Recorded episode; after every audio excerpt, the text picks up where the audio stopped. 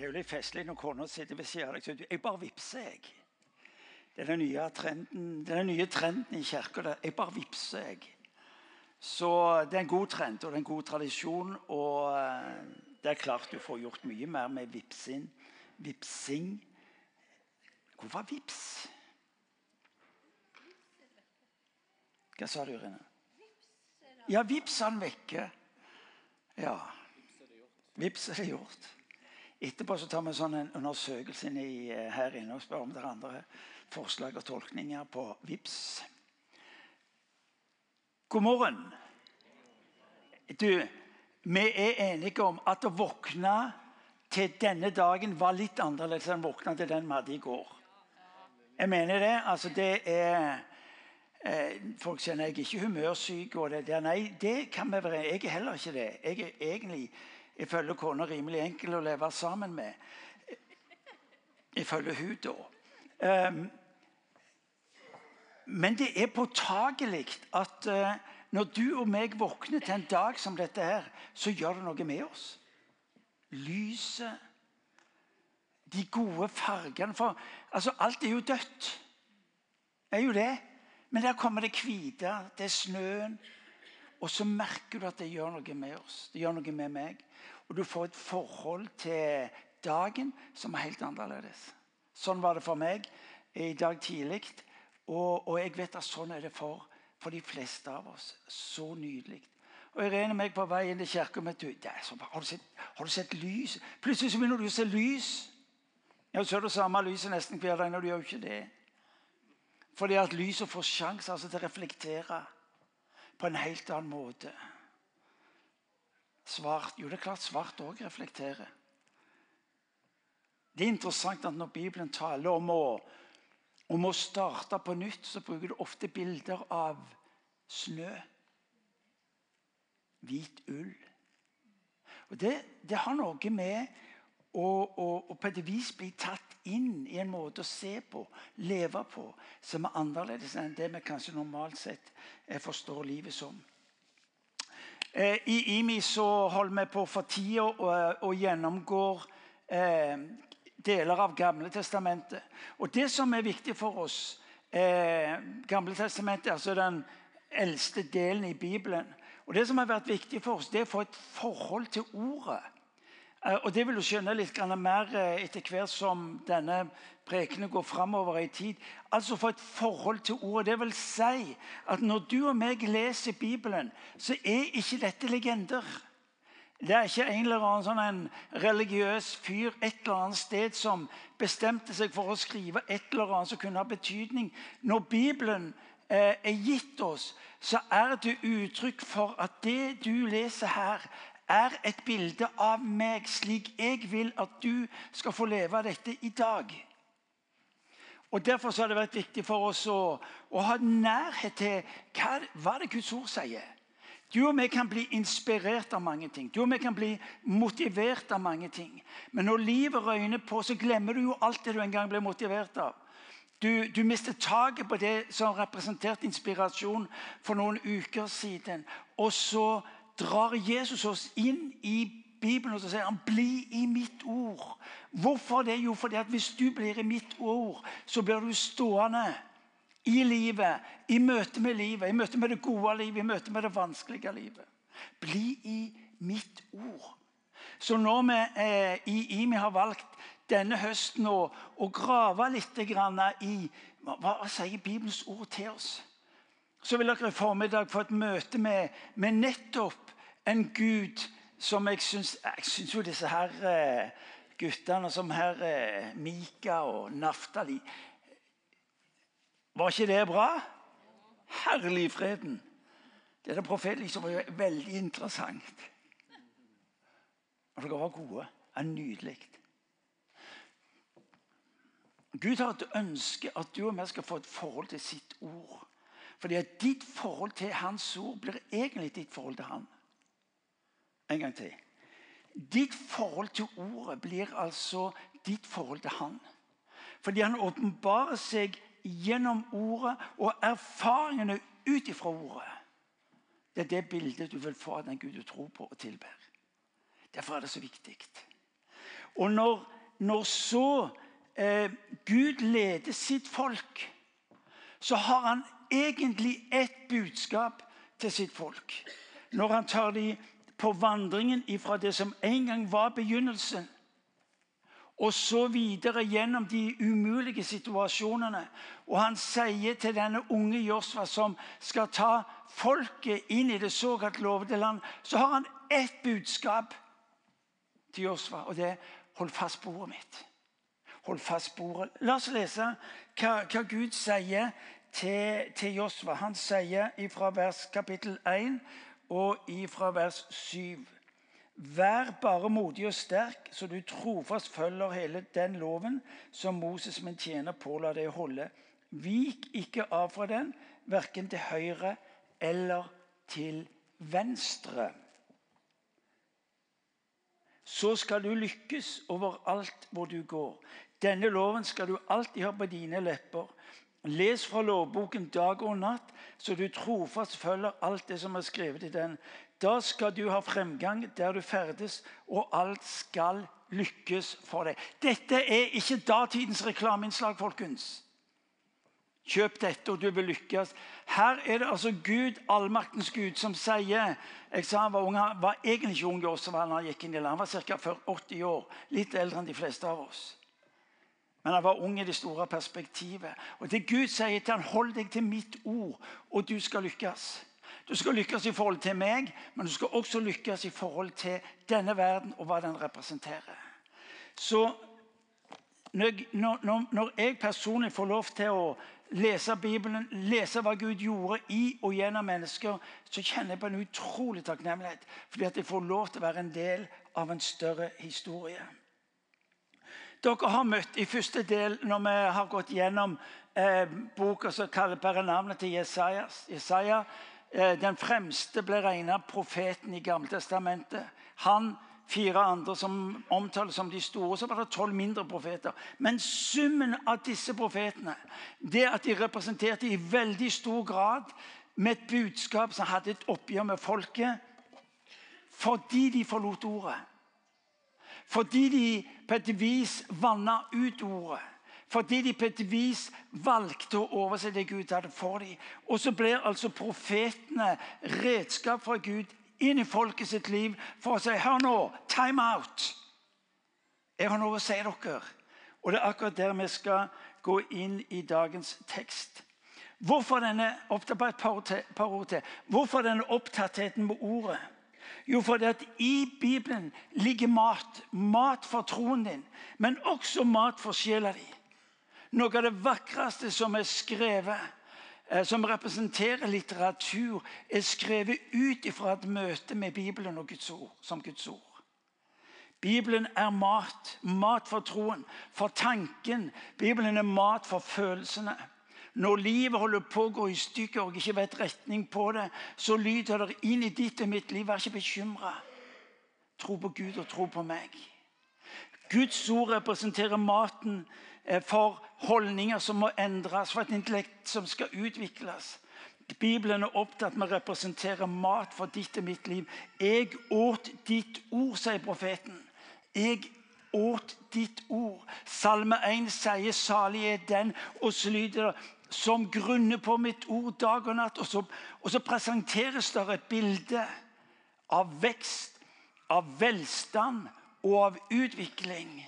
Grunnet på hans ord dag og natt. Det var jo akkurat det Gud sa til Josfa. Det representerer mat. Derfor er det så viktig. Og jeg vet at du og meg for såpass oppegående er vi, Hvis du og meg hadde skjønt på en reklame på TV at dette ville være nøkkelen til indre fred, ytre suksess Hvis vi visste at det var sant, da hadde, ikke, da hadde det ikke gått lang tid før vi hadde klikket oss innpå, og så hadde vi bestilt det og sørga for at det var en del av huset vårt. Kom an, vi hadde det. Ja. Dette er gratis. Dette er gratis. Guds ord rekkes deg og meg. Fordi det er ikke bare ord trykksverta, men det er Gud sjøl som kommer oss nær. Guds ord er mat, men Guds ord er også beskyttelse. Guds ord er beskyttelse mot ødeleggende tanker, ødeleggende holdning. Hvorfor i all verden er det krig i denne verden? Hvorfor i all verden er vi i stand til å Det virker nesten som at der det er to mennesker kommer sammen over tid, der blir det en eller annen form for H. Ja, Kristelig Gudgaven er hekken. Vi, vi er nesten som det er forutbestemt at vi klarer å produsere. Guds ord representerer beskyttelsen. Gå ei ekstra mil. Gi fra deg kappa hvis han ber om. Og så lyder det et ord og noe som får plass i livet ditt, som på en måte tar deg på en vandring som er annerledes. Bibelen representerer beskyttelsen. Men Bibelen representerer også krafta. Ordet er døra inn i Guds verden. Og ved Guds ånd er du sammenkobla med Guds rikets ressurser og kan ta det i bruk. En gang til. Der hvor ordet får lov til å være eh, kraften i ditt liv sammenholdt med Guds ånd, vet du hva? da har du tilgang til alle himmelens ressurser. Alle himmelens ressurser.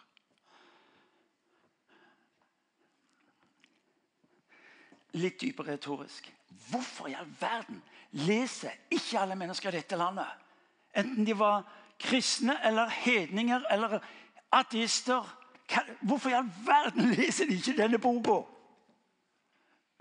Når de hører om løftene som er knytta til ham.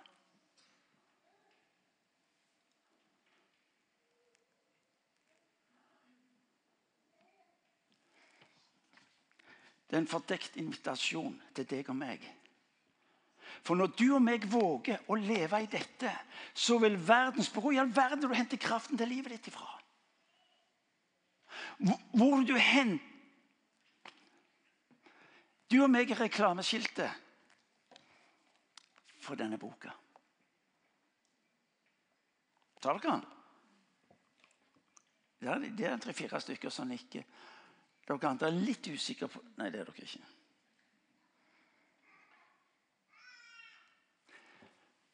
Det Gud sier til Josua, er vik ikke fra det. Slipp det ikke. La det være en del av rytmen din. For når dette blir en del av rytmen din, så bygger du inn i livet ditt.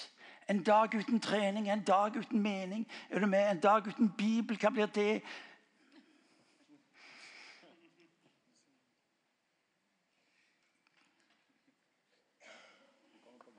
Den kommer litt senere i kveld. Ja, det er riktig. Og så lyder det til et folk. Så lyder det til et folk. Som Gud sa, vet du hva, hør nå. Jeg har ett mål med livet deres. Det er at dere skal lykkes som folk. Jeg har ett mål med livet deres. Det er at dere skal lykkes som folk. Få lov til å leve i det og leve det ut i denne verden på slik en måte at dere blir det dere var skapt for.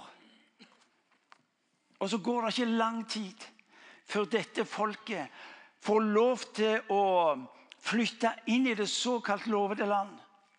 Alt er sånn som Gud sa det skulle være. Og så går det ikke lang tid, og så klarer de altså å rote det til. De begynner å blande ut ordet, de begynner å inngå allianser. De begynner å gjøre eh, eh, rake motsetning til det som Gud ber dem om å gjøre. Og så lyder det et ord det første ordet dere skal få på, på skjermen. Folk er nå i en håpløs situasjon. De første 40 kapitlene i Jeseas er nesten sammenhengende et oppgjør med et folk som har gjort opprør. Nesten sammenhengende et folk som har gjort opprør. Et folk som er kommet i en politisk klemme, og det er bare et spørsmål før de blir ødelagt. Et folk som er kvalifisert til utslettelse. Og så lyder det inn i dette fangenskapet som de er i. Trøst mitt folk. La oss få opp teksten. Der kommer han, vet du. Jesajas 40, kapittel 1. Trøst, trøst mitt folk, sier deres Gud. Dette ordet lyder til et folk som har gitt blaffen i Gud. Dette ordet lyder til folk som har vendt Gud ryggen. Synd er ikke primært hva du gjør, det er bare følgen av en posisjon du har plassert deg i. Synd er primært at mennesker har vendt Gud ryggen. Syndene våre er bare en konsekvens av at vi har valgt å vende Gud ryggen. Men ordet lyder 'trøst, trøst mitt folk'. Profeten får beskjed om å si det folk som egentlig fortjener straffen. Trøst, trøst mitt folk. Eh, og så lyder kanskje spørsmålet for deg og meg ja, men hør nå. Mitt folk, ditt folk ja, men De har gjort opprør hele tida. Er det ikke på tide du avslutter med det folket? Og så er det en linje i denne Bibelen det er mye her vi ikke forstår, jeg ikke forstår, men det er linjer gjennom det såkalte Gamle testamentet. Historier, hendelser. Den linja er å få tak i dette. Den linja er at Gud oppretta en pakt. Og når Gud oppretter pakt med mennesket, så bryter han han ikke.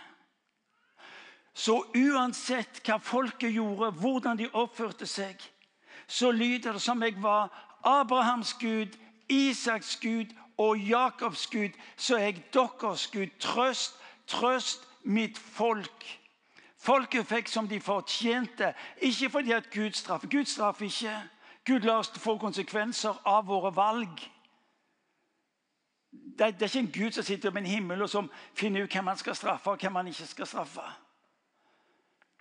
Men når folk velger å vende Gud ryggen, åpner de seg for krefter, makter og innflytelse som ødelegger. Trøst, trøst mitt folk.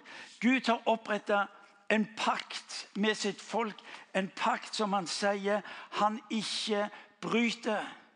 Ingenting, sier eh, Paulus i Romerbrevet kapittel 8, kan skille deg og meg fra hans kjærlighet. Ingenting. Det er det mest fenomenale jeg leser om i Bibelen. Det er en Gud som står ved sitt ord, uansett hva jeg kan prestere å gjøre. Uansett ingenting. Denne pakten som starter med Abraham tidlig i Bibelen, kapittel, 12, nei, kapittel 15, hvor det etableres en pakt mellom Gud og mennesket, det folket han vil nå med evangeliet. I kapittel 17, litt lenger ute i første Mosebok, så står det noe om omskjærelsen. Alle guttebarn åtte år, dager gamle, så skal det være en omskjærelse av forhuden. Eh, og så lyder det at dette skal være et paktstegn. Hvordan kan Gud hvordan kan Gud over et folk som egentlig fortjener straffen, si 'trøst, trøst mitt folk'? Fordi han har etablert en pakt med sitt folk.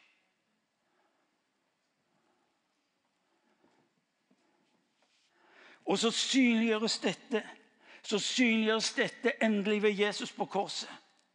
Og så kommer det til uttrykk gjennom dåpen. Dåp er fellesskap, relasjon med Gud. Når du ser dåp, enten det er for barn eller for voksne, så er det én ting du må få tak i. Det er at her handler Gud. Dåp er relasjon med Gud. Dåp er paktsinngåelse med Gud. Og det er klart, med ståsted i dette huset og slik vi forstår dåp, så er det noe av det mest tankevekkende jeg opplever. Det er når vi får lov til å se barna våre døpt. Ikke bare gå under i vann, høre noen ord på sitt liv, men det skjer en etablering av et pakt mellom Gud og menneske. Noen sier at et barn kan du ikke tro. Det er helt riktig. Et barn kan ikke ta imot Gud, nei, men et barn kan bli tatt imot. Halleluja. Et barn kan bli tatt imot. Og fra den dagen av etableres det en pakt mellom Gud og menneske. Hør nå. Dette er grådig viktig at du og meg får tak i. for vi, vi, står i en tendens, vi står i fare for å subjektivisere hele frelsesforholdet. Til hva jeg gjorde, til hva jeg følte, til hvor overgitt jeg var. Ja, men hør Det er faktum for deg og meg, meg òg, at den overgivelsen den er til tider både stykkevis og delt. Jeg henger ikke alltid sammen, og det var ting som skulle vært mye bedre og mye annerledes. La meg være litt direkte har en eller annen danske som flyr rundt her og, og døyper folk. og Noe av budskapet er at eh, ja, den dåpen du hadde tidligere, den var ikke god nok. Den, eller du var ikke committa nok. Eller, hør nå, Vi må slutte med det der surret. Dåp handler ikke om deg, det handler om han. Og Når Gud lyder trøstens ord over sitt folk, så er det jo nettopp det han har gjort. Ikke hva du og vi klarte i det øyeblikket vi tok imot evangeliet. Det er det som kalles for nåde, folkens. Vi må være gode med oss.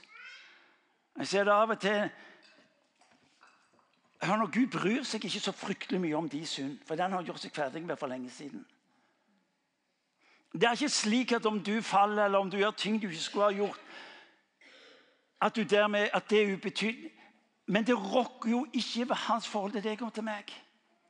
Trøsta, trøsta mitt folk, er ordet som lyder over folket, som skulle ha dommen.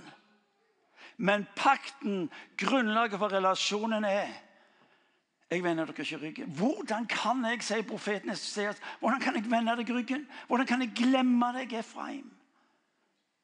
Mitt hjerte vendte seg i meg av fortvilelse når du ikke lever som du var født til å leve.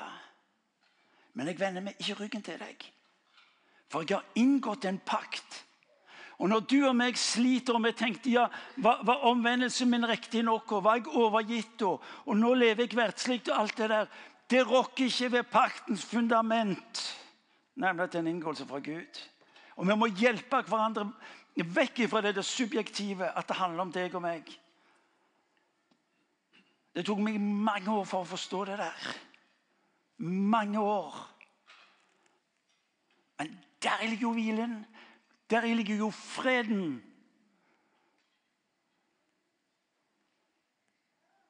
Er du med meg? Ser du hvor viktig det er? Kjære Gud, for en forskjell. Å skulle våkne hver morgen og lure på jeg holder det i dag. Ja, søren òg. I dag gjorde jeg så mye, skulle vært annerledes. Så, ja, hvordan er det med meg i dag?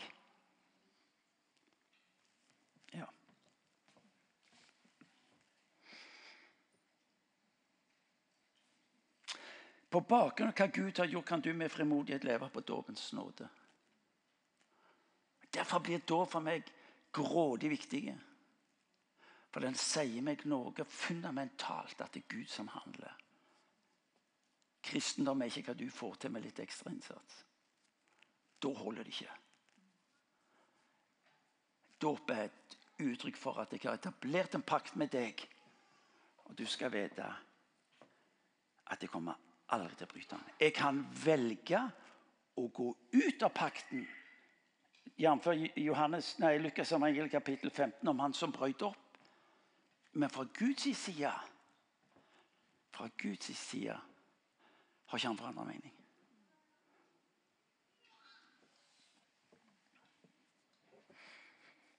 Og så lyder det til et folk som har ødelagt alt for seg sjøl, på alle fronter så lyder det innledningsvis 'Hennes skyld er betalt'. Når Gud møter deg og meg, når Gud møter mennesker som vil forbi dette huset, som ikke har noe med han å gjøre, så er budskapet 'skylda er betalt'. Gjelda kunne være stor. Det var mye ved det livet som skulle vært annerledes. Men hennes skyld er betalt. Omstendighetene var ikke endra for israelsfolket, men nå hører de Gud inn i omstendighetene. Men nå hører de Gud inn i omstendighetene. Gud tar ikke, Gud tar ikke utgangspunkt i dine omstendigheter, men hva han sjøl vil gjøre.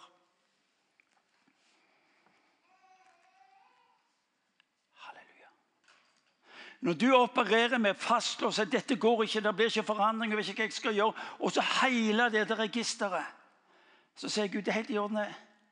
Men jeg tar ikke utgangspunkt i det som skulle vært annerledes. Jeg tar utgangspunkt i hvem jeg er, og hvem jeg vil være i ditt liv nå. Uansett hva som er situasjonen. Derfor trenger du og meg å lese Guds ord. For når inspirasjonen er forsvunnet og motivasjonen er borte, så trenger jeg å høre en som sier, 'Martin, hør nå. Om dine synder er, så skal de bli.' For dersom du bekjenner, da skal du oppleve min tilgivelse. Gud ønsker gjennom sitt ord å minne deg på hva han har gjort, og hva han vil gjøre. Trøsten har sitt utgangspunkt i ham og hva han vil gjøre. Så fire korte punkter. I vers 25 og 26 i kapittel 40 må vi få opp.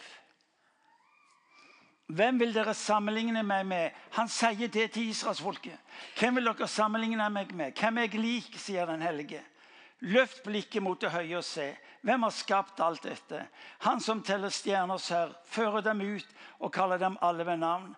Hans kraft er så stor, og hans styrke er så veldig at ikke én skal mangle. Israelsfolket får et møte med en Gud som er annerledes. Gud utfordrer folkets tankesett. Når han spør hvem vil dere sammenligne meg med? Måten som jeg sammenligner Gud med andre ting, sier noe om måten jeg relaterer til ham på. En gang til. Måten som jeg sammenligner Gud med omgivelsene, sier noe om måten som jeg relaterer til ham på. Og så nærmest harselerer han litt lenger ute om de såkalte avgudene og de menneskelige alliansene. Avguden er det du forankrer din trygghet i. Et sted hvor du søker for å få for å oppnå noe. Fremgang. Hvem vil ikke ha fremgang? Fred. Hvem vil ikke ha fred? Seier. Hvem vil ikke ha seier? Osv. God helse. Beskyttelse. Der kommer forsikring for nesten alt. Det eneste vi ikke har forsikring for, det på død. Jo, ja, vi har døds... Men det er ingen forsikring som berger oss ifra døden. Det er faktisk bare en som gjør. Og så lyder Guds svar inni det der. Der du og meg er opptatt med sammenligner, så sier han søk først meg. Søk først Guds rike, så får du alt dette. Fremgang, trygghet, seier, beskyttelse, ja, til og med god helse. Jeg burde trimme mer, jeg er enig i det. Men Guds svar på det som er denne verdens lengsler etter for å få det gode livet knyttes til denne ene setningen. Søk først meg, og så får du det andre i tillegg. Hvor henter vi tryggheten ifra? Hvor, hvor henter jeg freden ifra? Hvor henter jeg eh, møtet med de vanskelige situasjonene ifra? Jeg kan øke forsikringene, trene mer. Og så sier Bibelen søk meg. Søk meg. Guds svar på dine utfordringer i livet er seg sjøl. En gang til. Det er, så, det er så godt sagt. Guds svar på dine utfordringer i livet er seg selv. Han tildeles ikke en eller annen sånn en dose eller 5 milligram eller 80 milligram, men han kommer sjøl.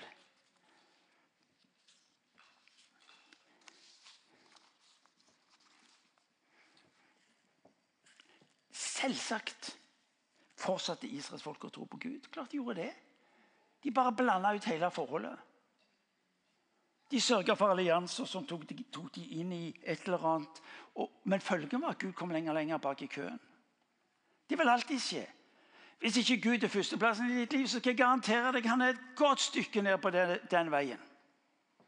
Hvis ikke Gud er førsteplassen i ditt liv, så kan jeg fortelle deg at da er han altså sjette, syvende, tiende, femtende, tyvende. Fordi det er så mange andre ting som blir fryktelig viktige. Når Jesus sier 'søk først meg', så er det ikke fordi han er pirkete. Det er ikke fordi han er stressa, det er ikke fordi han ønsker disiplin. Men han vet at hvis ikke han får lov til å ha førsteplassen i ditt og mitt liv, så står altså denne verden og tilbyr alt for å komme inn i den køen først.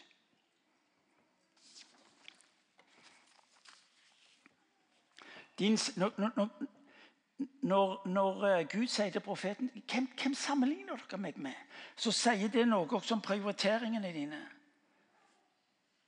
Og Guds mulighet for å være Gud i ditt liv. Hva vil det si å være en kristen? Jo, det er å la Gud få lov til å være Gud i livet ditt. Når du og meg begynner å sammenligne med Guds plass i ditt og mitt liv, så sier det noe om prioriteringene. Og prioriteringene sier noe om Guds mulighet til å være Gud i ditt og mitt liv. Jeg vet dønn ærlig for oss alle som er i dette huset. Hvis ikke, hvis ikke så har du ikke vært der. Vi har ett ønske at Gud skal være Gud i livene våre. Hvis ikke så har du ikke vært der. Så de hjemme og sett på et eller annet på ski eller går tur. Eller. Derfor blir det så viktig. Forutsetning for sammenligning at du forstår hvem Gud er.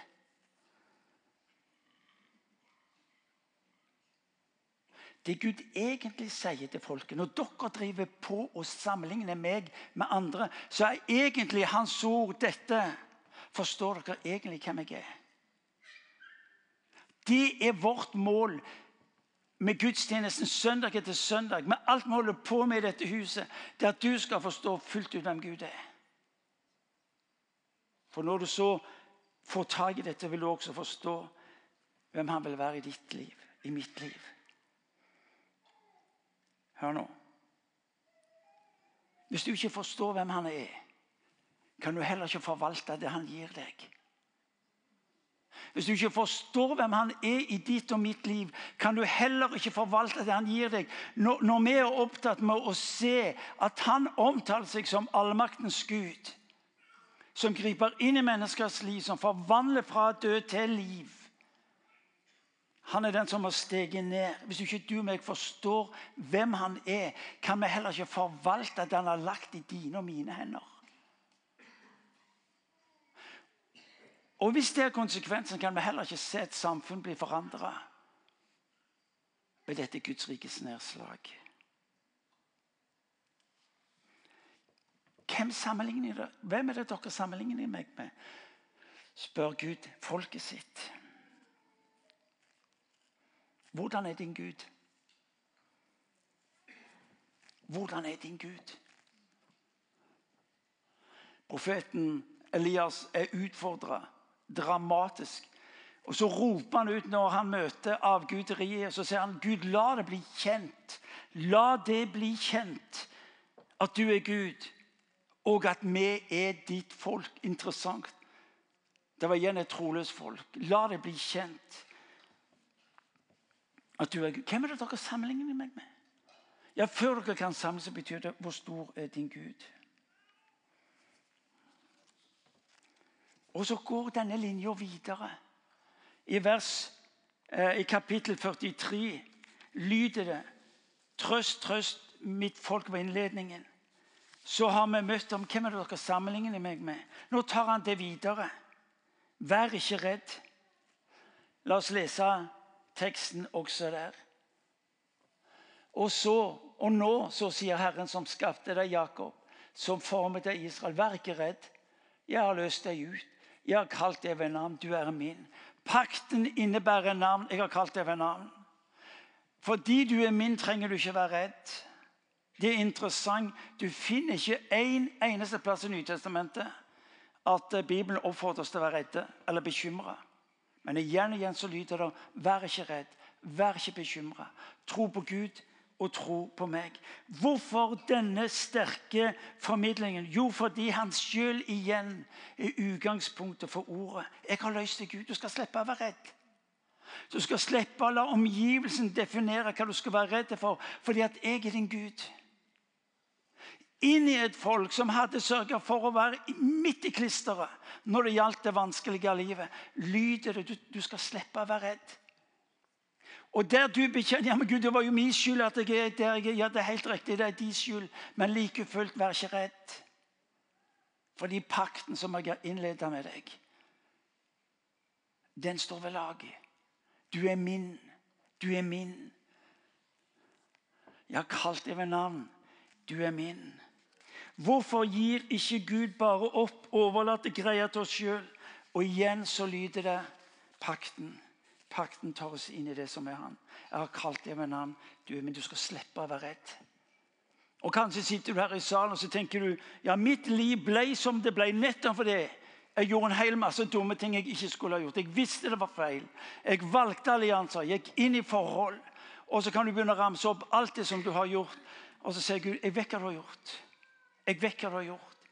Men det rokker ikke ved at jeg en dag tok deg inn i min pakt. Og ingenting skal kunne rive deg ut ifra dette. Du er dyrebar, står det i neste vers. Få med det òg, litt lenger nede. Du er dyrebar i mine øyne, høyt aktet, og jeg elsker deg. Gir jeg mennesker i stedet for deg og folkeslag for ditt liv. Du er dyrebar i mine øyne. Du, du ser hvor dette, dette er jo så feil. Dette er jo så hakkende gale. Med den historien som israelsfolket hadde eh, der de står innenfor Gud, så ville du mer ha sagt at de får akkurat som de fortjener. Og håper de kjenner godt etter hva de nå opplever. For dette, for det ville vært ditt og mitt budskap. Du er dyrebar i mine øyne.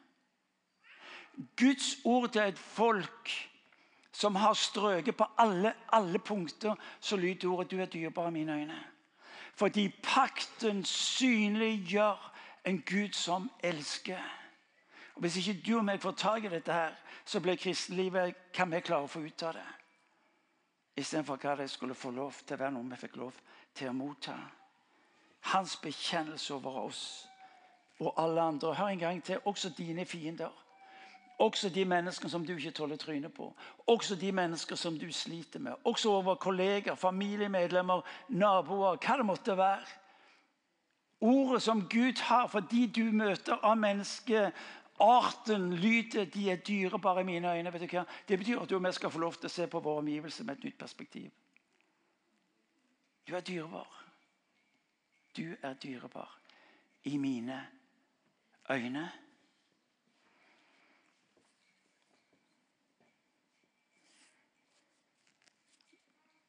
Kapittel 43, vers 18-21. Jeg gjør noe nytt. Israels folk har gjennom 40 kapitler møtt et bilde av hvem de er. Nå lyder det at disse trøstens ord over folket. Og så lyder det dere skal ikke minnes de første ting. Ikke tenk på det som hendte før. Se, jeg gjør noe nytt. Nå spirer det fram. Merker dere det ikke? Ja, jeg legger vei i ørkenen, elver i ødemarken. Ville dyr skærer meg, sjakaler og strutser. For jeg gir vann i ørkenen og elver i ødemarken. Se, jeg gjør noe nytt. Når Gud sier til sitt folk, trøst, trøst, trøst mitt folk, så sier han, søk mitt ansikt. La meg få lov til å være Gud i ditt liv. Og det som er det umulige, la meg få lov til å skape det som er nytt. Gud elsker å skape og nyskape. Hvordan er det mulig at det norske folk går rundt og tror at Gud primært er dommer og ønsker å ta dem? Du og meg er, du og meg er de omvandrende reklameskiltene på det der. Gud ønsker å nyskape. Han har betalt en altfor høy pris at mennesker skal gå glipp av den. Løftene som er knytta til han som dør i ditt og mitt sted han sier du skal slippe å møte din fortid fordi jeg har møtt han. Plages du av fortiden din, så kommer han deg i møte. og Så sier han, 'Jeg har vært i din fortid, og jeg har gjort opp for han.' 'Jeg har vært i din fortid, og jeg har gjort opp for han.' Og Der du hører hva omgivelser ønsker å se inn i livet ditt, eller din egen sterke tale, så ønsker Gud å si, 'Hør nå.' Hør nå. Jeg gjør noe nytt i ditt liv. Nå, i dag. Ikke engang der framme. Omvendelse er å gå fra seg sjøl til Gud. Omvendelse er å la seg omfavne av Gud. Omvendelse er ikke at du primært nå klarer å la være å gjøre ting som du ikke skulle ha gjort. Omvendelse er å la seg omfavne av Gud. Så defineres dette nye livet ikke ut ifra omstendighetenes muligheter. Ørken, ødemark syns det er festlig. Ville dyr, sjakaler. Det som representerte det umulige. Hør nå, Det nye livet defineres ikke ut ifra hva du ser, men hvem jeg er i der du er nå. Halleluja. Vann i ørkenen, elver i ødemarken. Så mitt folk kan få drikke. Hva trenger du til han skal gjøre i ditt liv? Hva trenger du han skal gjøre i ditt liv? Her er invitasjonen. Inn i et folk som hadde surra det så grassa til for seg sjøl, så lyder ordet Hva vil du skal gjøre i livet ditt?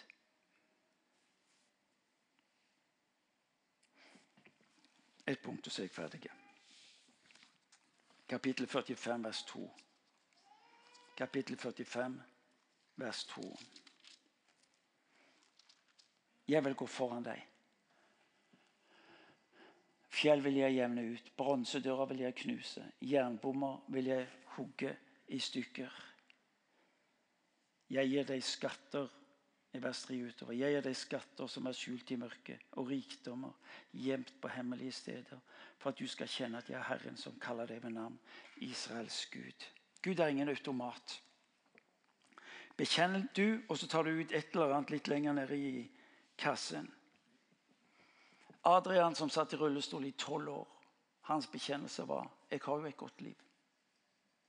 Når han ble spurt om hva var det som var høydepunktet når han var i Reading og ble helbredet, så sa han det var en opplevelse av Guds nærvær. Adrian har sittet tolv år i rullestol. Hva var høydepunktet når du var i Reading i Battle Church?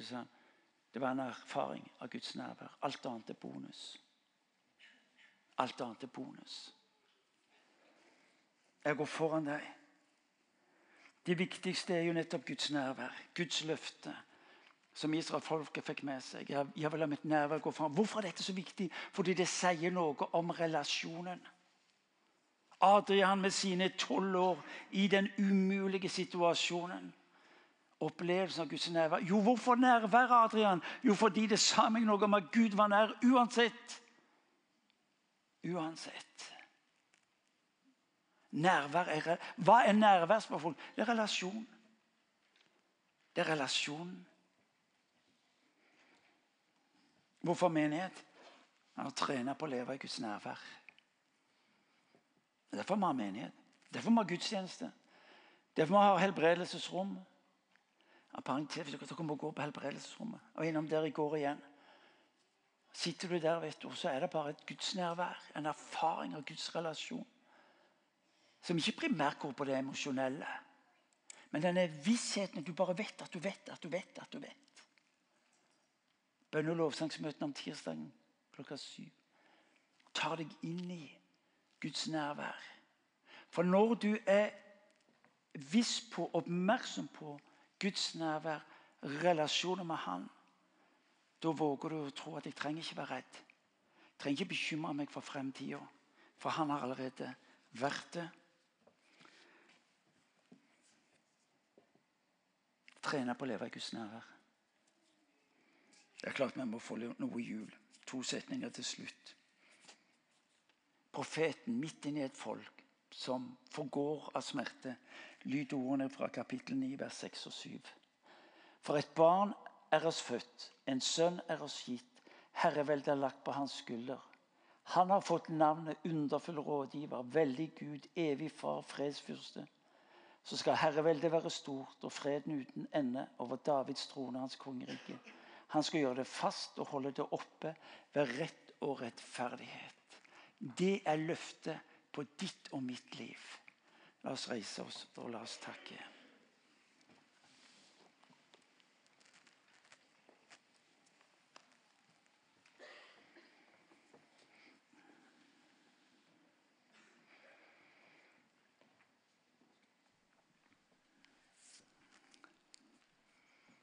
Jul er, jul er en fenomenal tid. Men vi som er i denne salen nå, vi skal få lov til å se jul med alt det innebærer. Engler og hyrder og vismenn og tyranner og, og et lite barn. Foreldre. Men la jula få lov til å bli noen dager hvor du kjenner at du er på vandring for å forstå hvem han er, og hvem han vil være i ditt og mitt liv. At det du ser av han som blir født, er noe langt mer enn en vakker del av vår historie. Men han både minner oss om en pakt som er etablert, og en pakt som blir synliggjort med konsekvens for alle mennesker som tar imot evangeliet. La jula bli noen dager hvor du og jeg får lov til å forstå mer av hvem han er. Slik at du og meg våger, slik at du og meg våger å forvalte det som han har gitt oss, slik at mennesker slik kan bli forandra. At byen vår kan erfare Gud er god. La oss be. Kjære Herre Jesus Kristus, takk fordi du denne formiddagen igjen minner oss om hvem du er. Takk, far, fordi at du ikke er en moderne utgave. Men Herre, du har gjennom historien, gjennom vandringen med ditt folk, tar du oss inn, Herre Jesus, i en dypere forståelse av hvem du er, hvem du vil være. Far, vi ønsker bare å bekjenne oss til deg. Jeg ønsker å bekjenne oss, Herre Jesus, til pakten som du oppretter. En gang med Abraham, så ved denne Kristus, og ved Herre den dåp som du har døpt oss til. Herre, vi takker deg for at du sier over våre liv at ingenting, ingenting kan rive oss ut av din kjærlighet, skille oss ifra din nåde. Herre, vi takker, vi tilber og opphøyer ditt navn. Amen.